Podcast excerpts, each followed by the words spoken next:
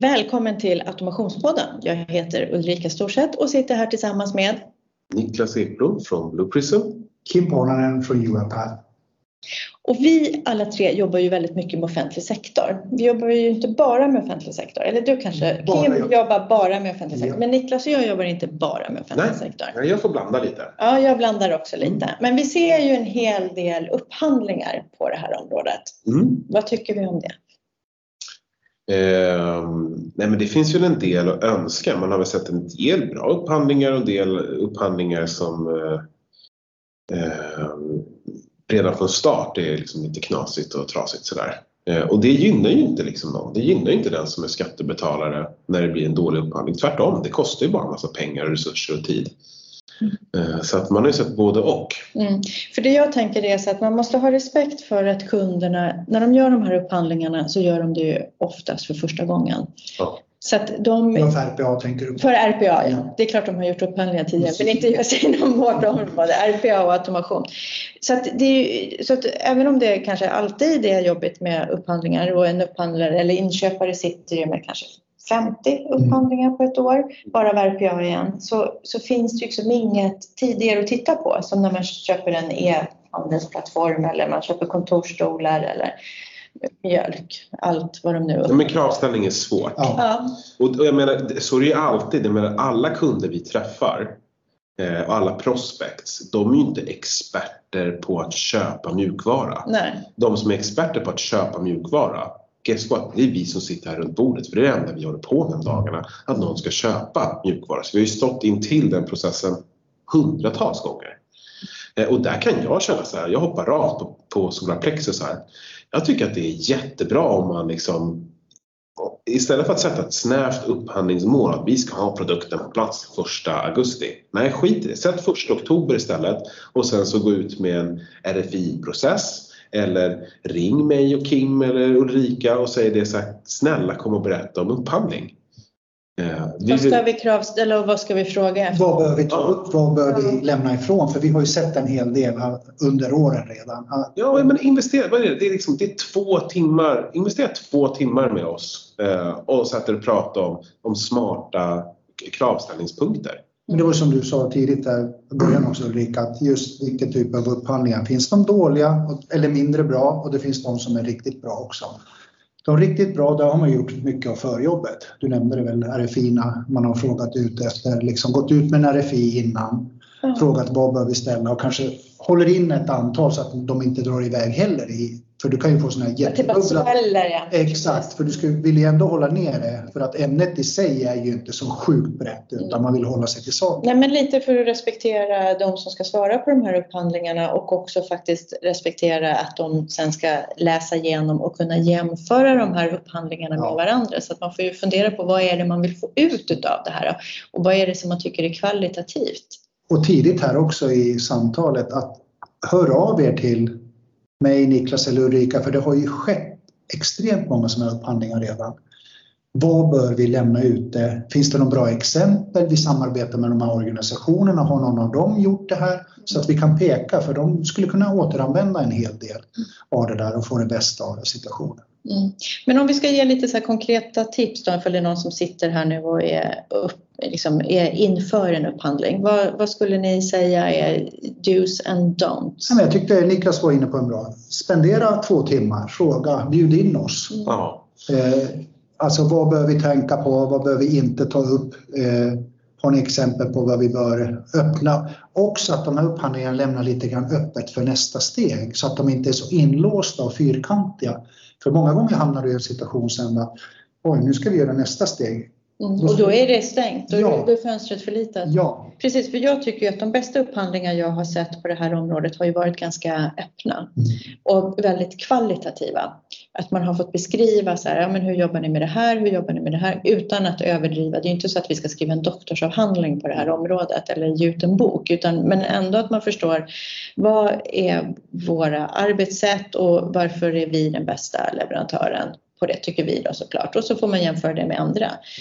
Men, men för det som det, det blir svårt blir ju när det blir bara de här Eh, man ska fylla i någon teknisk spes och så ska man jämföra. Det är klart att vi kommer skriva i ja på allt. Även om en del saker ibland kan man känna är lite så här eh. Och, och sen också att det är ju Alltså det är ju rent krasst, alltså det är inte jättestor skillnad rent tekniskt på de här olika plattformarna. Båda två gör ju RPA på ett alldeles utomordentligt bra sätt. Och sen var du inne på redan någonting dos and don't som du sa. Ta inte en upphandling från kanske serversidan och försök Nej. byta några fraser på den till att det passar RPA. Nej men då är det ju mycket bättre att, så här, att, att investera några kronor, att Ja. kanske träffa Digital Workforce och prata med dem Mm. om det. Liksom.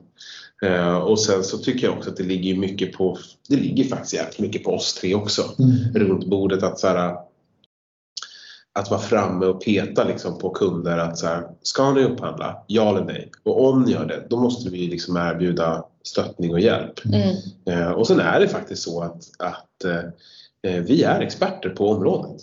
Men, men det man absolut inte ska göra, jag vill bara understryka det du sa Kim, det är att inte ta en gammal serverupphandling och tänka att vi anpassar den här så att den blir en RPA-upphandling. För det har vi sett några utav. Och det, och det blir verkligen inte bra. Och också så här, för, för, för det är mycket ofta man ser de där som man känner då så här, det här är inte relevant, det här är inte relevant, det här är inte relevant, det här är inte relevant. Och samma sak också när man tittar på support och underhållsbitarna. Då brukar man också tänka på så traditionell IT-support Mm. ungefär. Medan RPA det är liksom någonting annat.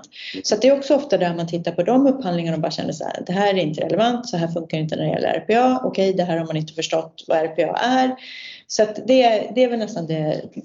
Det som blir så tråkigt med de där det är att när ni ställer de här frågorna sen kan ni förtydliga punkt bla bla och sen så frågan, ja men det står i ungefär, ja. då, tycker de, Läs, tolka frågan. då, då tycker de att vi är jättedryga som frågar och så, så får vi ett svar. Det är så synd då att vi använder någonting som kan vara så otroligt bra för organisationen att komma igång med. Mm. Blir kanske något negativt från början att inte komma igång med. Jag har ju till och med sett upphandlingar som har varit eh, där man inte har fått tillräckligt stöd i upphandlingsfasen med att göra ett bra upphandlingsunderlag till en kund till oss som eh, gick ut med en upphandling och eh, där det var lite sådana tvetydigheter som vi var tvungna att gå in och liksom ställa de här så att vi säkert uppfattades som ganska dryga med de där frågorna. Och, och, eh, och det slutade ju med att eh, de var tvungna, de drog tillbaka hela upphandlingen sen. Ja. Och det var ju ingen som var nöjd med det. Det var ju varken bra för kunden eller för oss. Det Framförallt så är det ju en waste av skattepengar. Absolut. Liksom. Men det är återigen, alltså, så fasiken, jag menar, om, om, om, någon har, om någons bil är trasig, då går man till en bilverkstad. Till någon som kan.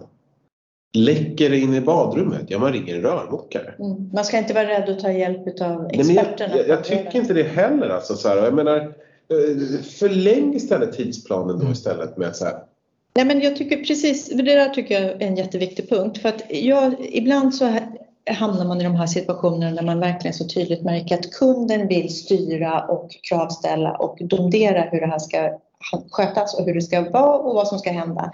Och sen så ser man att men kunden kan inte det här och då är det jättesvårt för kunden att leda på det här området. Så därför så är precis som du säger, jag tycker man ska ha en lite mer ödmjuk inställning och ha en dialog och lyssna. Sen är det självklart upp till kunden hur de vill göra och sådana här saker. Men jag har sett lite för många gånger att det, man förstår att de inte har förstått. Ja, och det där kan ju vara kopplat, förlåt Kim. Nej, det Det, det, det tror jag också kan vara kopplat till att de som, är, som brinner för ämnet automation internt är inte alltid de som designar upphandlingen. Utan det där landar ofta hos någon som säger ja men det här är IT. Mm. Och då, då plockar de upp någon sån här gammal server, tjosan hejsan, bits och bytes grejemoja Mm. eh, och, och försöker liksom gjuta ihop någonting som ska då, vad de tror är passande. Liksom. Så att många gånger så är det ju liksom inte så att, att den som har initial idén att göra någonting är inte den som har designat upphandlingen. Mm. Det har jag varit med om flera gånger. Eh, och, och det, där är, det där tror jag liksom är en... Eh, alltså om man ska egentligen dra till pudelns kärna, ju mer vi har dis- diskuterat ämnet här idag så tror jag så här, fasiken vi tre, vi måste se till att fixa, fan jag, ett webbinar eller någonting, en landningssida, vad som helst som hjälper kunder inom det offentliga. Eller så lägger jag upp en upphandlingsunderlag på min LinkedIn-sida så bara tankar ner och kryssa i enkelt. Ja, hur många Johan Petterssons vill ha? Nej, men jag tycker att man, nej, men, jag tycker att man som, som upphandlande kund ska fundera på vad är det vi vill få ut av det här. Ja, men återigen. Niklas har en bra poäng där som jag tycker är värt att lyfta upp. Den tiden du inte tar för dig i början att göra ett bra underlag, Mm. den tappar du i slutet för du sitter och faktiskt och kanske till och med blir osams med den leverantören som du har valt. För att ni har två olika sätt att tolka eh, det som står på pränt. Ja, absolut. Och istället för att lagt de där två timmarna där ni i början så är det 20 timmar för att man ska försöka komma överens om vad det där innebär Mm. när det gäller ersättningsprodukter eller utökning eller om det ingår och så vidare. Så avslutningsvis så, här, så kan jag säga så här, jag kommer försöka få min arbetsgivare att bli duktigare på att publicera bra relevant fakta inför upphandling. Jag hoppas att Kim, att ni gör samma sak. Vi gör det redan. Ja, det är Nej. bra. Som vanligt. Ja, det är, fan, man alltid är två på bollen. Eh, men, men, men- samma sak med Digital Workforce. Jag menar, så här, liksom, vi har ju suttit här och liksom konstaterat att det liksom, det är waste of tid och waste of skattepengar i slutändan. Det är tråkigt när det blir fel. Ja, för är då är alla blir missnöjda. Alla blir Men vi, missnöjda. vill ju att, vi vill ju ha nöjda kunder. Det är ju lite det vi lever på. Ja. Jag, jag menar samtidigt, så här, fan, säg vad man vill. Det är klart att jag jobbar med försäljning och blueprints, men jag är också skattebetalare. Men du sa en bra poäng, vi sätter upp en webbinar. Ja, men vi kan säga, I upphandlare, ja. bjuder in upphandlare. Ja, det Ja. skulle vi faktiskt kunna göra. Om ni är upphandlare där ute, då vill jag så här att ni söker upp Ulrika Storsets eh, LinkedIn efter ni har lyssnat på det här. Hon kommer att publicera avsnittet på sin LinkedIn och sen så skriver ni, ni bara pränta in era namn så kommer vi skicka inbjudan och så gör vi ett webbinar Ja. om offentlig upphandling. Jag vet redan vem jag tycker vi ska bjuda in till det. Vi Ja. återkommer. Bra. Kul! Ja. Tack för att du lyssnade. Tack och hej. Tack för idag. Hej!